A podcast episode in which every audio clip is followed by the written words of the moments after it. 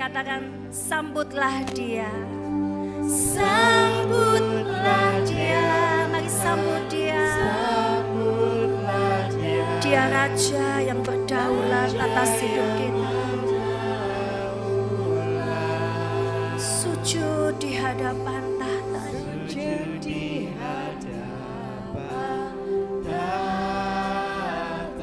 Penuh kemuliaannya. Muliakan dia. Muliakanlah, hai muliakanlah Raja yang berperintah Semarak keagunganmu ya Tuhan. Semarak keagungan Oh indahnya hadiratmu Indahnya baitmu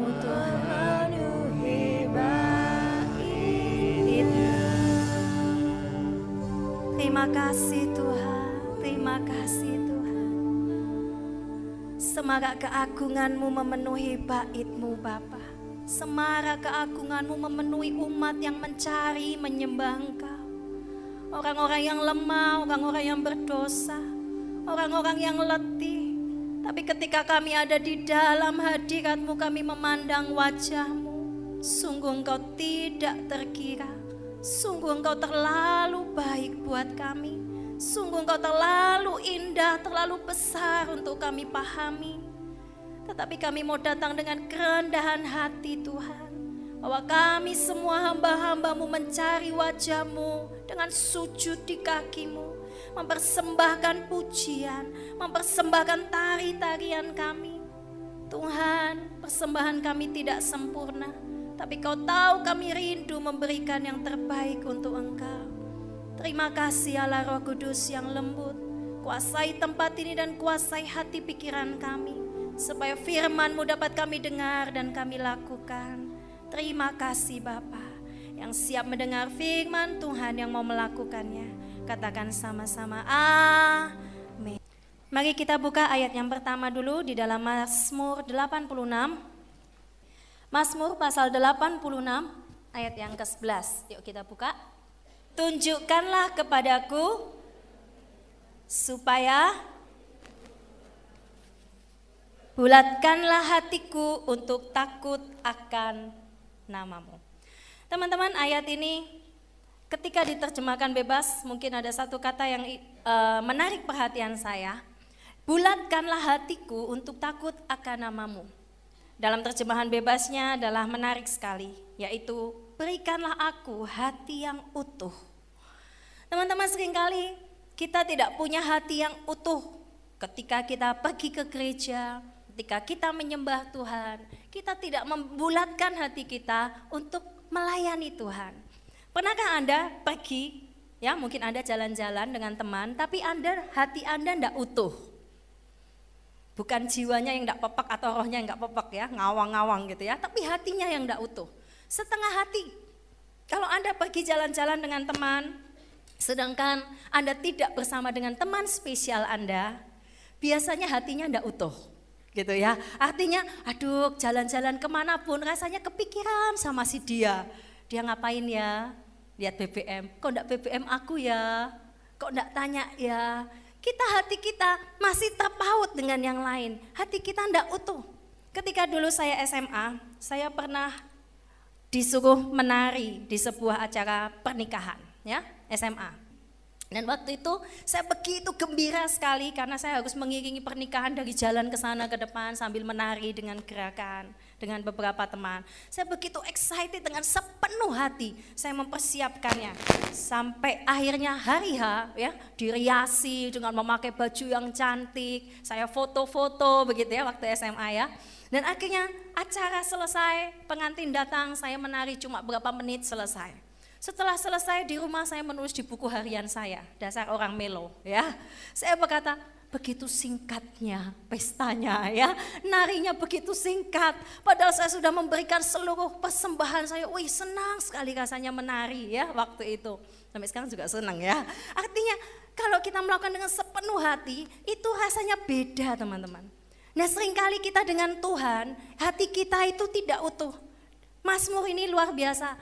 Berikan aku hati yang utuh, bulatkan hatiku untuk mencintai engkau, mencintai ketetapanmu, mencintai rencanamu, mencintai panggilanmu, mencintai visimu, mencintai pelayanan yang kau berikan kepadaku. Itu kita butuh yang namanya hati yang utuh teman-teman.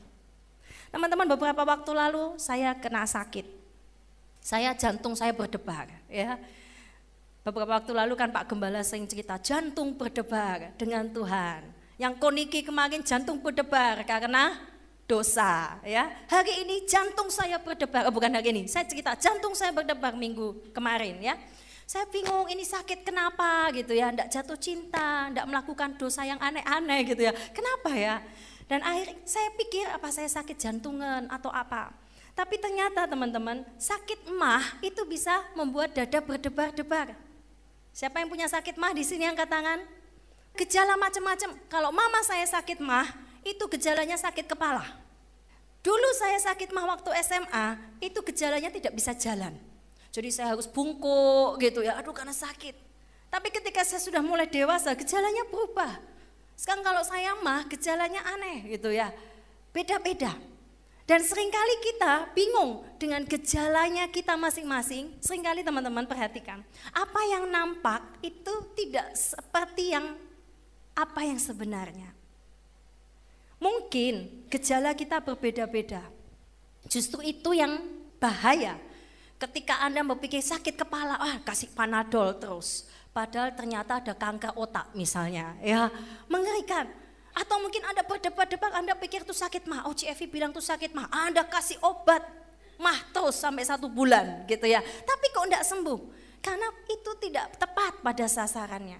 Nah sering kali kita itu hanya memperhatikan apa yang kelihatan.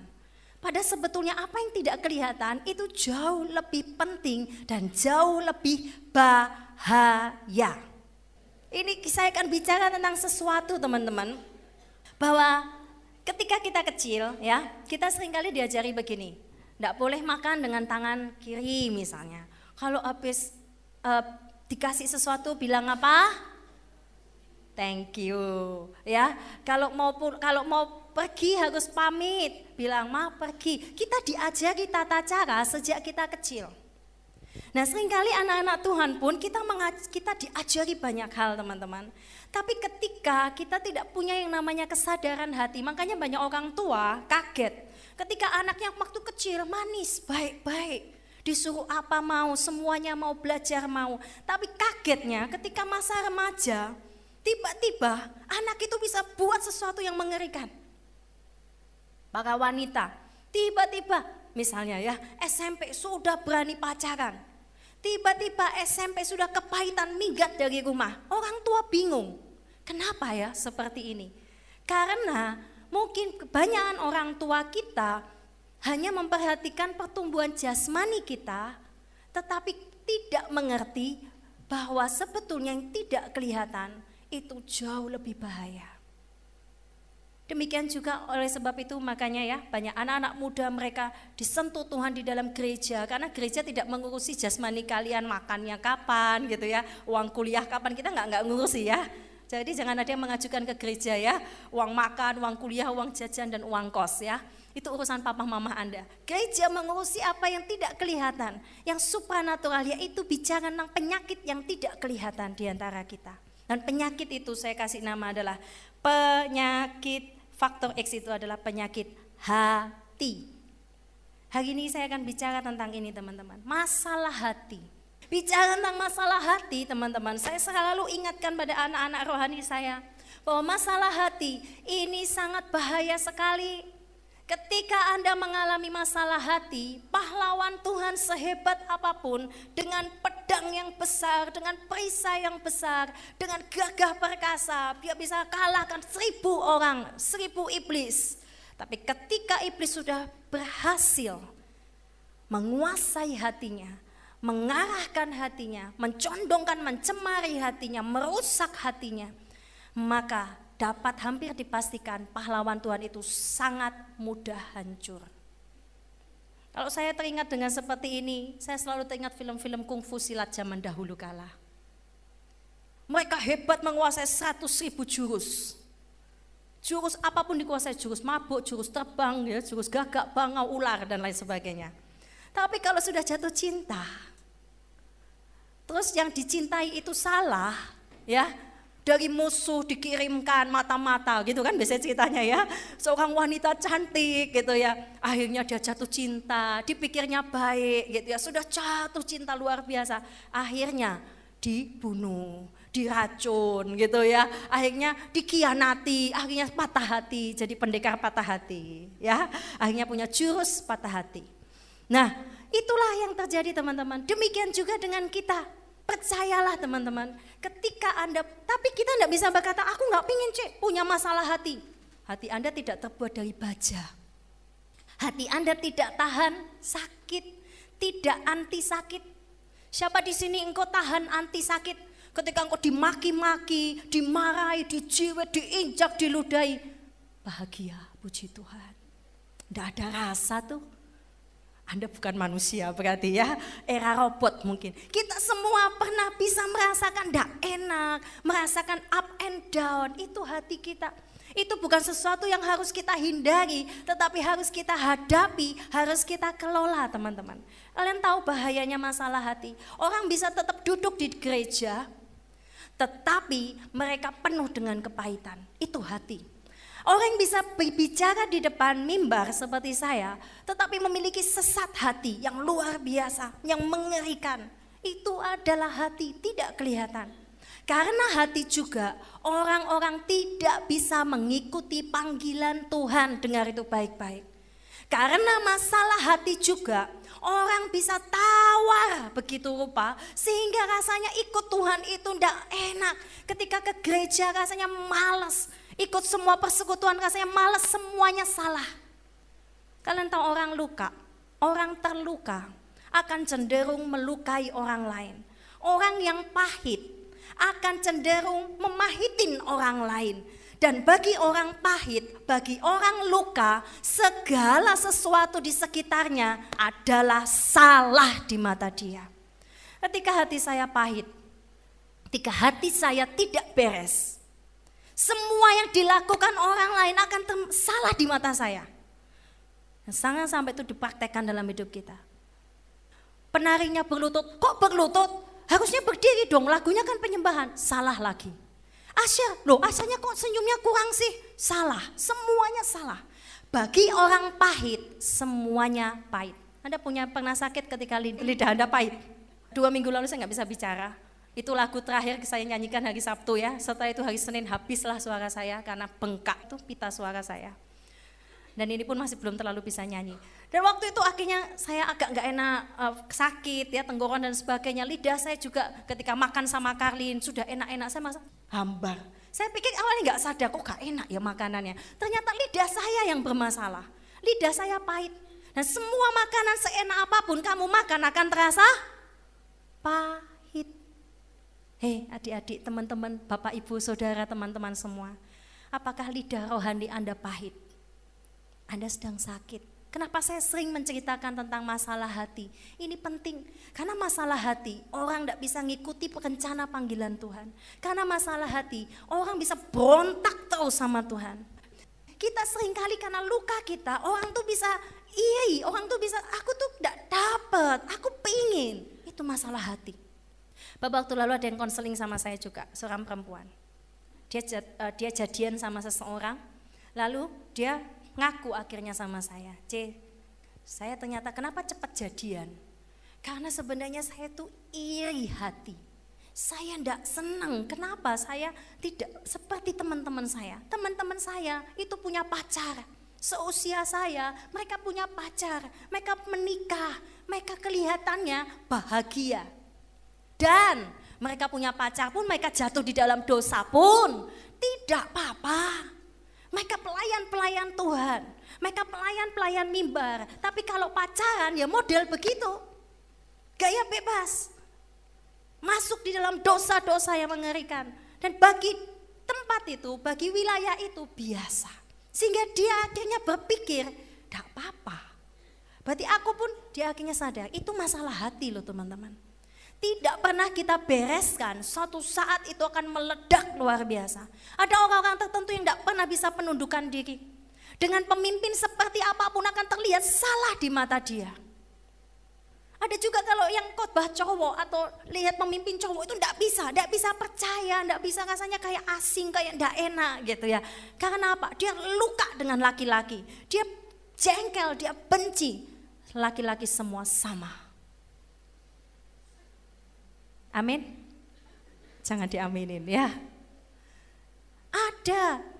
Dan itu ada duduk di dalam gereja, itulah saya dan Anda teman-teman. Banyak orang terluka oleh masa lalunya, oleh pelecehan. Pelecehan itu apa sih? Pelecehan itu bukan hanya pelecehan seksual loh. Pelecehan lewat kata-kata, pelecehan sikap, lewat tindakan, pukulan waktu kecil gitu ya, bajumu dibuka di depan umum, diarak gitu ya misalnya. Nakal kamu ya misalnya ya. Teman-teman, hati adalah sumber kehidupan. Oleh karena itu Amsal dikatakan kan, Amsal 4 ayat 23, jaga hatimu dengan segala kewaspadaan karena di situ terpancar. Seperti juga di Yohanes coba kita buka ya. Yohanes pasal 7 ayat 37. Yohanes 7 ayat 37 sampai 38. Coba laki-laki baca dulu, pria baca dulu, terus wanita, terus kita baca sama-sama ya. Dua, tiga. Dan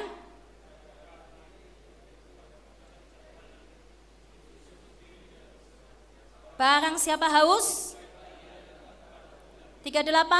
Barang siapa percaya kepadaku seperti yang dikatakan oleh kitab suci, dari dalam hatinya akan sama-sama yang dimaksudkannya ialah roh yang akan diterima oleh mereka yang percaya kepadanya sebab roh itu belum datang karena Yesus belum dimuliakan.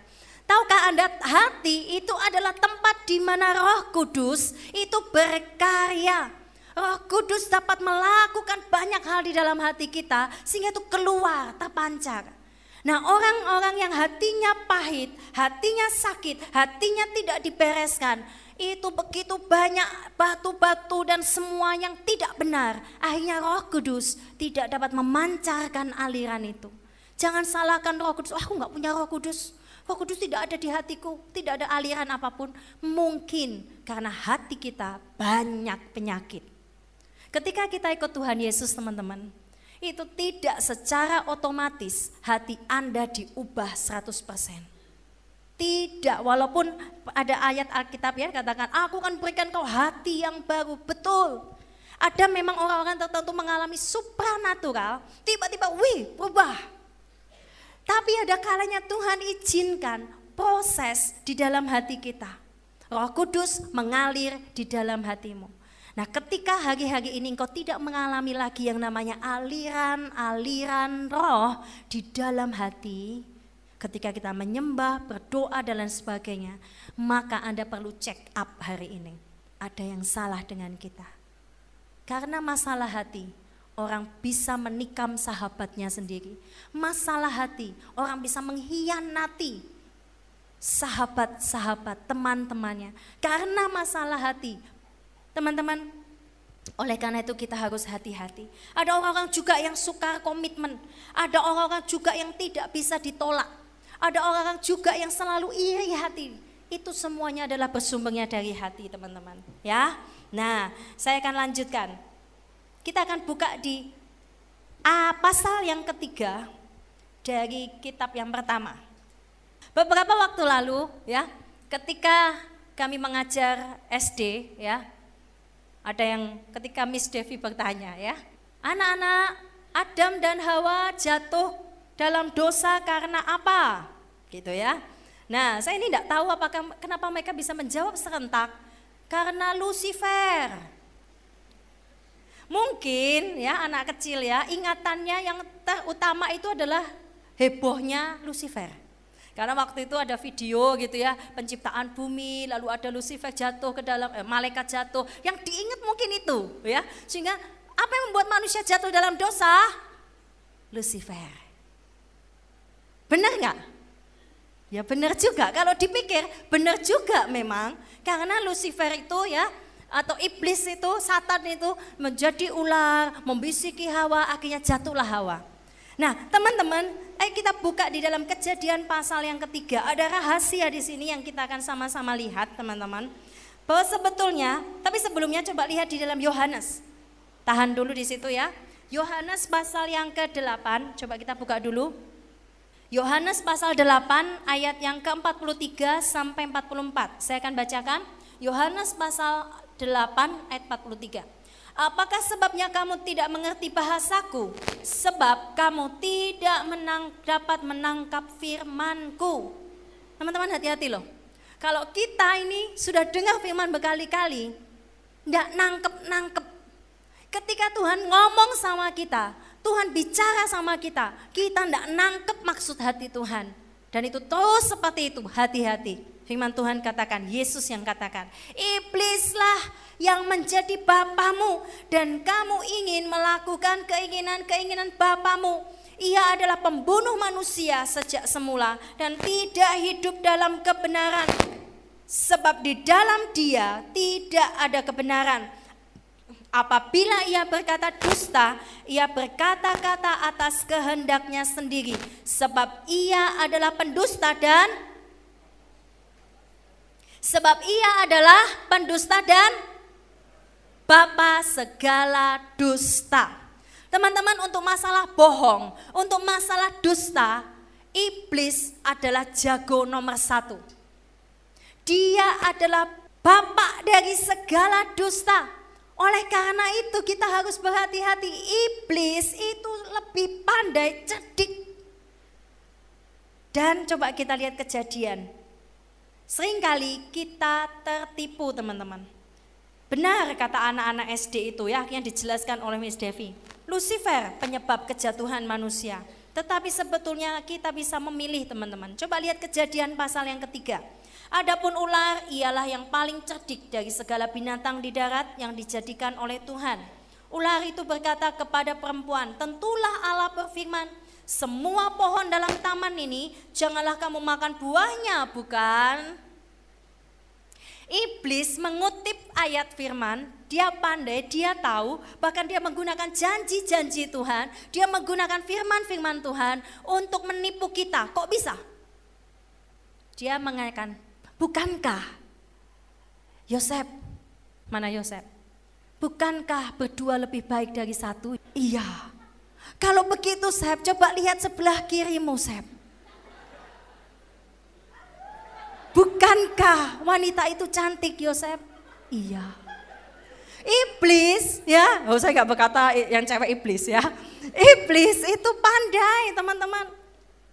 Dia lihat ketika engkau ulang tahun sudah usia 25, 26.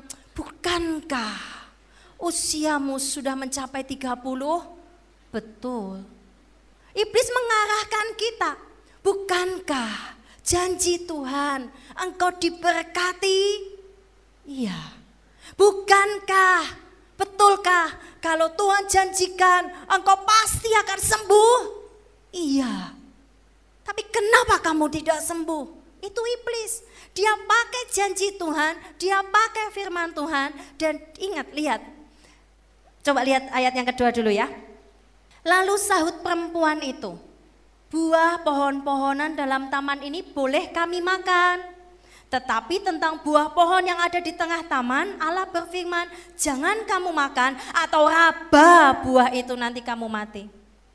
Yang pertama, iblis yang pertama tadi. Dia akan memfokuskan kita, cara tipu daya iblis, penipu yang luar biasa. Dia akan membuat engkau terfokus dulu dengan apa yang sebetulnya bukan yang terpenting. Hawa itu boleh dan Adam ya, itu boleh makan semua buah loh. Boleh makan semuanya, ngasihin nama, ya kasih nama hewan, mau guyon-guyon sama hewan, naik gajah, mau ke mana-mana bolehlah. Pokoknya bebas. Semua fasilitas diberi. Cuma satu tok. Dan Tuhan tidak bilang kalau kamu raba mati. Kalau kamu makan mati. Hawa menambah-nambahi. Tapi sebelumnya kita lihat dulu tipu daya iblis yang pertama. Dia membuat Anda terfokus dengan sebuah perkara yang akan bisa menjatuhkan Anda. Yang sebetulnya Anda kalau bersyukur atas semua yang Tuhan berikan, Anda tidak akan berfokus kepada satu itu dan membuat Anda jatuh. Mengerti maksud saya? Semoga Anda mengerti. Ketika Hawa mulai berpikir, iya, memang semuanya boleh aku dapat, tapi satu ini nggak boleh. Teman-teman, Tuhan tuh baik, Tuhan tuh tidak menyiksa kita, semuanya Tuhan berikan. Lalu kenapa kita mempersalahkan atau mempersoalkan satu hal yang akhirnya menghancurkan hatimu, menghancurkan hidupmu. Ini dasar manusia kita semua. Tidak bersyukur, tidak puas, Tuhan sudah beri semuanya. Hati-hati. Sesuatu yang bukan bagian kita, sesuatu yang memang bukan untuk kita, sesuatu yang dilarang oleh Tuhan, justru iblis akan utik itu dalam hidupmu. Sesuatu yang bukan bagianmu. Kalau Tuhan memang punya rencana seperti itu dalam hidupmu, kita dibuat supaya berontak terhadap itu. Padahal Tuhan sudah begitu baik dan memberikan semuanya. Itu yang pertama. Yang kedua, Hawa dia salah ngomong. Nanti kalau kamu makan, Tuhan bilang, iya sih benar semuanya, tapi diraba aja, dimakan, lalu dimakan itu tidak boleh, nanti aku langsung mati. Lalu iblis tidak berhenti. Ketika engkau mulai salah bicara teman-teman, hati-hati. Ketika iblis menampi engkau, iblis menggoda kita, lalu kita itu dengan mulut kita, hati kita mulai salah ngomong. Berapa banyak kita melakukan dosa itu? Salah ngomong. Iya, aku tidak berarti. Iya, semua itu semuanya teman-temanku tuh jahat sama aku. Iya, gereja ini tidak benar. Oh iya, kita mulai menghakimi Tuhan, menghakimi teman-teman kita. Kita mulai salah ngomong, mulai salah memberikan jawaban. Mungkin ngomong tuh paling gampang. Betul nggak sih? Ngomong tuh paling gampang bagi yang punya mulut dan tidak sakit tenggorokan. Ngomong tuh paling gampang. Tapi ketika Anda salah ngomong, ada salah memberi menga, mem, menyatakan kesimpulan. Iblis ambil celah itu, iblis akan tampi engkau yang kedua kalinya. Iblis bilang apa? Oh tidak, sekali-kali Hawa, engkau tuh tidak akan mati. Salah kamu. Justru ketika kamu makan buah ini, kamu akan matamu tercelik. Lalu kamu akan dapat pengetahuan. Lalu kamu akan bisa seperti Allah. Iblis tidak berhenti. Ketika engkau salah ngomong, engkau berikan kesempatan buat dia, engkau tanggapi apa yang dia masalahkan dalam hidupmu, dia akan kejar terus. Dan Hawa juga merasa begini, ini strategi iblis yang selanjutnya. Dia dibuat berpikir, kalau aku makan, aku akan jadi seperti Allah, mataku terbuka. Lalu dia mulai curiga dalam hatinya. Dia berpikir, Kenapa Tuhan menyembunyikan ini dari aku? Kenapa Tuhan tidak boleh aku memakannya?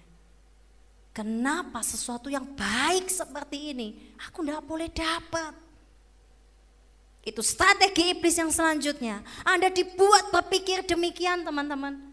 Anda dibuat untuk meragukan kedaulatan Tuhan, keadilan Tuhan, kasih Tuhan, ketetapannya, peraturannya ada dibuat meragukannya. Tidak apa-apa. Jatuh dalam dosa sekali dua kali enggak apa-apa, tidak ada yang lihat. Oh enggak apa-apa, enggak apa-apa, enggak apa-apa. Itu adalah pendusta. Kalau Anda mulai berpikiran seperti itu, maka hati-hati, iblis sedang menipu Anda. Saya mau tanya, ke gereja itu penting enggak? Penting? Oke, bawa teman-teman ke gereja. Ya, tapi bukan itu masalahnya ya. Saya mau katakan begini, banyak orang berkata, saya dulu pernah cerita ya, oh ke gereja tidak terlalu penting. Yang penting saya berdoa di rumah. Melayani di rumah Tuhan. Penting enggak? Halo, penting enggak melayani di rumah Tuhan? Penting. Tapi iblis akan buat Anda begini, melayani di luar juga enggak apa-apa kok. Yang di dalam sudah banyak tuh pelayannya. Ya, sudah banyak WL-nya, nggak perlulah aku jadi WL lagi. Sudah banyak tuh pemain apa itu namanya flagnya, nggak perlulah aku melayani lagi. Di luar masih banyak, betul. Tipu daya iblis yang selanjutnya. Di dalam tipu dayanya selalu ada sedikit kebenaran. Perhatikan itu baik-baik. Ketika iblis menipu saya, menipu pikiran saya, menipu hati saya, Anda kalau mikir, Anda akan berkata begini, ada benernya. Kalau Anda sering mengalami hal-hal seperti itu, jangan ragu-ragu untuk menetapkan iblis sedang menipu dan berusaha menipu Anda. Anda harus segera ambil tindakan. Kalau tidak, Anda akan dikuasai oleh siasat dan tipu daya iblis, teman-teman. Iblis akan membuat Anda berpikiran seperti itu. Ada sedikit kebenaran, betul memang. Buah pengetahuan itu tidak boleh kamu akan bisa mengerti banyak hal dan Tuhan itu larang, jangan. Ketika manusia begitu banyak tahu, akhirnya banyak berdosa dan manusia akan jadi seperti Tuhan. Walaupun tidak bisa sama seperti dia, karena kita gambar serupa dengan dia. Oleh karena itu Tuhan tahu yang terbaik. Manusia dibuat meragukan kebaikan Tuhan. Kita, saya dibuat meragukan kasih Tuhan. Dibuat meragukan jalan-jalan Tuhan. Dibuat meragukan panggilan Tuhan. Hati-hati. Segala sesuatu yang menarik, segala sesuatu yang kelihatannya baik, itu bisa jadi dari iblis. Hawa akhirnya berkata begini ya, coba lihat ayat yang ke-6. Baca sama-sama ya. Baca dalam hati, baca. Perempuan itu melihat bahwa buah pohon itu baik untuk dimakan. Lalu apa? Dan sedap kelihatannya. Lihat, Hawa mulai tertipu. Kelihatannya ini baik, kelihatannya. Ya, bagi dia di perasaan dan pikirannya buah ini baik, menarik. Coba lihat ayat selanjutnya. Menarik, sedap kelihatannya. Anda ketika pergi ke toko buah, ya, Anda lihat buah semangka yang sedang dibuka merah merona, ya, bagi pecinta semangka, Anda bisa ngiler gitu ya. Wih, merahnya begitu enak, sedap kelihatannya ketika dibuka. Ini belum dibuka buahnya. Hawa begitu terpikat, hawa begitu, wih ini begitu sedap. Bagi dia, bagi pikirannya, bagi perasaannya. Oleh karena itu wanita, ini kutuk yang harus kita patahkan. Wanita suka pakai perasaan kalau Hawa mungkin kalau ada melihat buah gitu tok aja ya. Biasa aja gitu ya. Tapi wanita lihat, wih sedap. Membayangkan kalau dimakan tuh enak. Hati-hati teman-teman. Iblis akan membuat kita merasa bahwa itu menarik, tidak apa-apa untuk kita makan. Menggunakan perasaan kita. Banyak dunia berkata begini, follow your heart. Itu salah. Anda tidak boleh mengikuti perasaan. Jangan mengikuti perasaan, jangan mempercayai perasaan, karena perasaan pikiran Anda itu mudah ditipu iblis. Dahulukan kebenaran dulu daripada perasaan kita. Seringkali perasaan kita dominan teman-teman. Oleh karena itu hari ini kita mau belajar. Setiap dosa itu selalu ada akibatnya. Manusia terputus hubungan dengan Tuhan. Namanya dosa itu pasti kalian kalau paku-paku ya, paku beton-beton ini ya, dinding, kalian paku. Pakunya kalian cabut teman-teman, pasti ada bekasnya bukan? Betul? Sama seperti itu, dosa walaupun pakunya itu sudah dicabut, engkau sudah diampuni oleh Yesus Kristus, teman-temanmu menerima engkau kembali. Saya percaya ada perasaan yang tidak bisa digantikan. Ada rasa itu bersalah dan saya kasih tahu, dalam hidup ini ada penyesalan, ada luka, ada bekas yang tidak akan pernah bisa hilang seumur hidup. Ada jenis-jenis seperti itu. Mungkin Anda berkata, wah saya sudah lupa tuh dosa saya dulu, saya sudah lupa. Tapi mungkin ketika Anda tidak jaga hidup Anda satu kali nanti, Anda akan menyesal seumur hidup, walaupun Anda sudah diampuni oleh Tuhan. Jadi hati-hati teman-teman, adik-adikku. Dosa itu tidak pernah mendatangkan kebaikan. Anda akan ada rasa malu, rasa tidak enak sungkan. Dan Anda juga tidak akan bisa berdoa. Dosa membuat hubunganmu dengan Tuhan hancur. Satu saat saya berdoa, beberapa minggu lalu. Ketika engkau tidak sedang baik, hatimu masalah, mungkin kau tidak lagi dekat sama Tuhan, lalu kau dekat sama Tuhan, kau doa ya, misalnya kau doa. Ketika Anda seperti itu teman-teman, Anda akan merasa mungkin canggung, Anda mungkin merasa tidak bisa dekat, manja, ngalem sama Tuhan ya, e, apa itu namanya, intim dengan Tuhan. Karena ada suatu jarak. So, kalau Anda merasa seperti ini, jangan langsung keluar dari kamar doamu. Lanjutkan doamu. Dosa itu harus dilawan, ditobos, digumulkan. Hubungan yang retak itu butuh dipulihkan loh teman-teman. Ketika kita punya sahabat, teman atau apa pun, itu butuh dibereskan dalam pemberesan yang benar tentunya ya. Seringkali hubungan-hubungan yang indah hancur itu karena kita tidak pernah mau belajar membereskan hati kita masing-masing. Dipendem, dipendem, dipendem.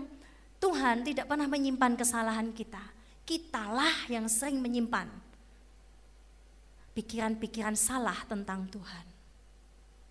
Sehingga ketika Anda ketemu dengan Tuhan, rasanya tidak bisa dekat, rasanya ada penghalang. Anda harus tobos itu sampai Anda bisa menghancurkan tembok-tembok penghalang Anda dengan Tuhan. Amin. Anda harus tobos itu. Jangan Anda menyerah, ya sudah keadaanku begini. Anda harus mengalami keintiman dengan Tuhan dengan menerobos semua tembok-tembok itu teman-teman. Itu harus.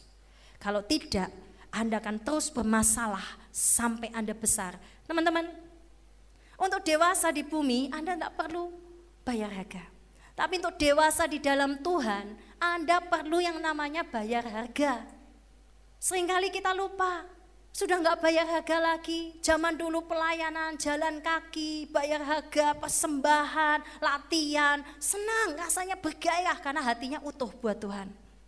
Lama kelamaan jadi males, capek, Nak mau bergairah lagi melayani Tuhan, banyak penghakiman, banyak penuntutan, semuanya salah, banyak pemberontakan.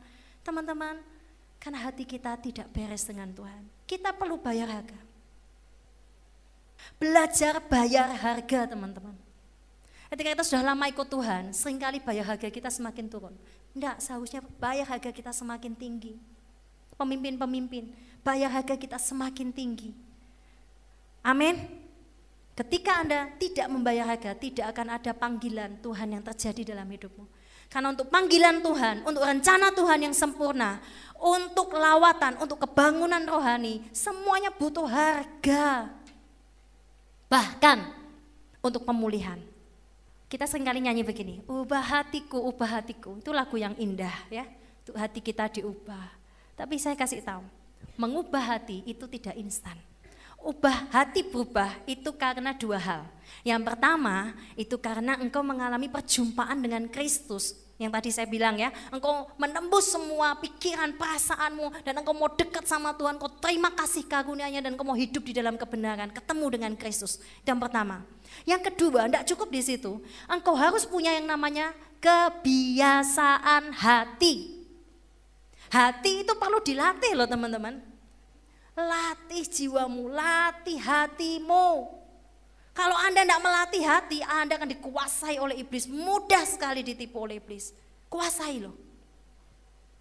Ketika Anda mulai tidak enak, mulai benci, mulai kok rasanya begini, ah jangan asal ngomong, jangan asal jeplak gitu ya. Mengeluarkan kata-kata negatif, menularkan kepahitan, menjelekkan orang lain, menghakimi saudara-saudara kita. Anda sedang dikuasai oleh tipu daya iblis. Hati-hati. Biasakan. Anda yang mudah stres, mudah berkata-kata tidak benar. Ayo kuasai hati. Berdiam. Saya diajari begitu dulu ya. Diam diri. Di kamar, berdiam diri, berdoa, baca Alkitab. Waduh bagi saya susah, aduh rasanya pengen keluar. Doa, baca Alkitab, tenang, ambil nafas, meditasi. Keluarkan. Ah tenang, jangan langsung kita ngomong, jangan langsung kita marah, jangan langsung kita pahit. Itu menguasai hati. Ketika kebiasaan hati ini kita latih terus, saya percaya disertai dengan roh kudus, Anda akan jadi orang yang berkarakter seperti Kristus. Andaikan kita punya satu persen saja dari karakter Kristus, saya percaya dunia ini akan dimenangkan. Tapi kita mungkin tidak ada 0,000-nya gitu ya, 00,01 atau berapa gitu ya. Waduh karakter kita ini masih buruk, kita harus belajar berubah. Dan itu hanya pekerjaan roh kudus dan melatih diri. Amin. Amin. Saya hampir selesai. Kalau kita mau keluar dari kutuk juga teman-teman, caranya bagaimana? Jangan biasakan hidup di dalam kutuk. Jangan biasakan hidup di dalam afon. Itu akan membuat kita keluar di dalam dari afon atau kutuk itu, ya. Mari kita tundukkan kepala kita. Kita renungkan firman Tuhan. Seringkali kita sebagai anak-anak Tuhan kita tidak memahami hati Tuhan kita, hati Bapa kita. Demikian juga sering kali kita salah paham dengan saudara-saudara kita, dengan orang tua rohani kita, yang mengasihi, yang merindukan, yang mendidik kita. Hati-hati teman-teman, Tuhan rindu kemurnian tuh jauh lebih dari semua karya-karya kita. Anda menari di tempat ini, Tuhan rindukan Anda punya kemurnian jauh melebihi tarian-tarian gerakan Anda yang super bagus. Tuhan merindukan kemurnian Anda daripada nyanyian Anda yang murni daripada penyanyi-penyanyi yang bagus suaranya tetapi hatinya tidak murni. Tuhan merindukan persembahan-persembahan yang murni, bayar harga yang murni, cinta yang murni untuk dia, melebihi semua yang kelihatan. Dan supaya kita bisa memberikan kemurnian itu buat Tuhan, satu-satunya cara adalah hati kita mau dipulihkan, hati kita mau disembuhkan untuk next level kita sudah tahu adalah kita bukan hanya sekedar naik, tapi Anda akan turun, Anda akan diperbaiki dasar-dasarnya. Oleh karena itu SOW ini diperlukan. Ikutlah SOW ini dengan kerinduan, dengan gairah pengharapan akan Tuhan. Bukan saya, bukan pengkhotbah, bukan kohadi, bukan siapa pun yang akan memulihkan Anda. Bukan. Saya berdoa untuk SOW Tuhan, apa yang harus saya sampaikan nanti. Kami harus buat acara seperti apa Tuhan, saya tidak tahu.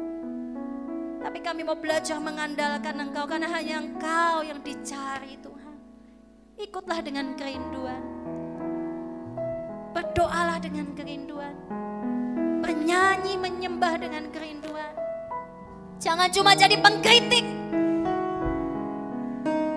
Karena orang-orang pengkritik, engkau tidak akan masuk di dalam kebangunan rohani yang sejati.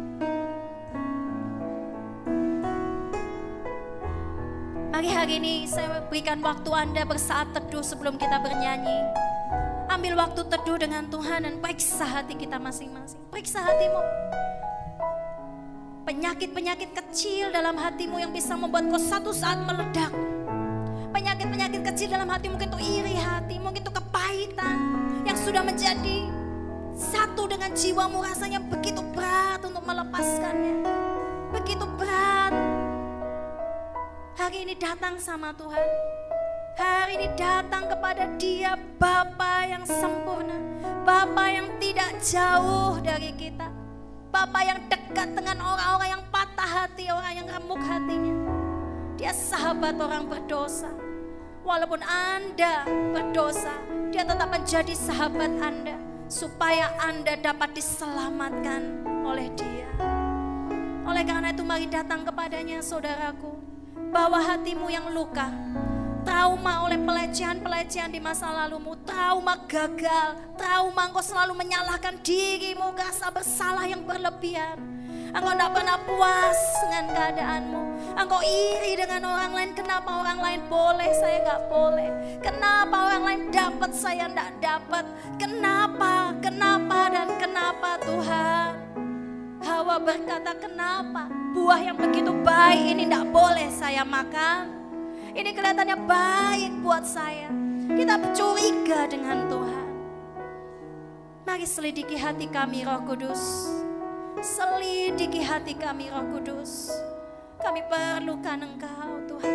Mari semua ambil saat teduh, semua berdoa, semua berdoa. Hancurkan tembok-tembokmu dengan Tuhan. Hancurkan tembok-tembokmu dengan Tuhan.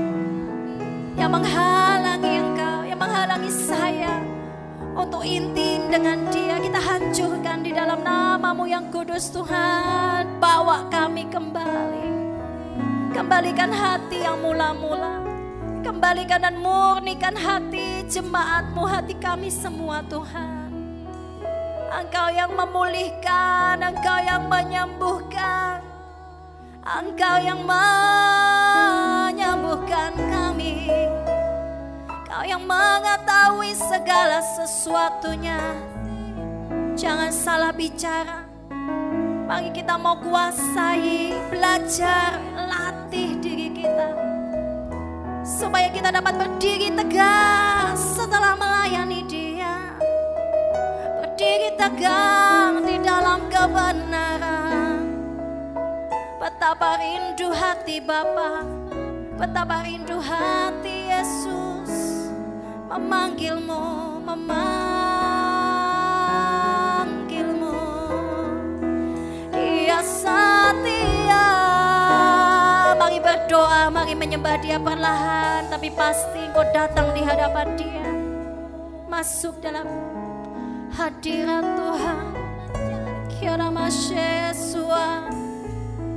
Tidak ada satupun yang tersembunyi di hadapanmu. Setiap Tuhan yang membuat kami mudah terluka. Setiap hal Tuhan mungkin gambar diri kami. Mungkin luka-luka kami, masa lalu kami, dosa kami. Bekas-bekas luka-luka kami yang kami belum dapat terima Tuhan. Sehingga kami masih hidup di dalam bayang-bayang dosa. Papa lepaskan kami. Pulihkan dasar-dasar kami yang salah, rombak Tuhan. Setiap dasar kami yang salah. Pulihkan kami.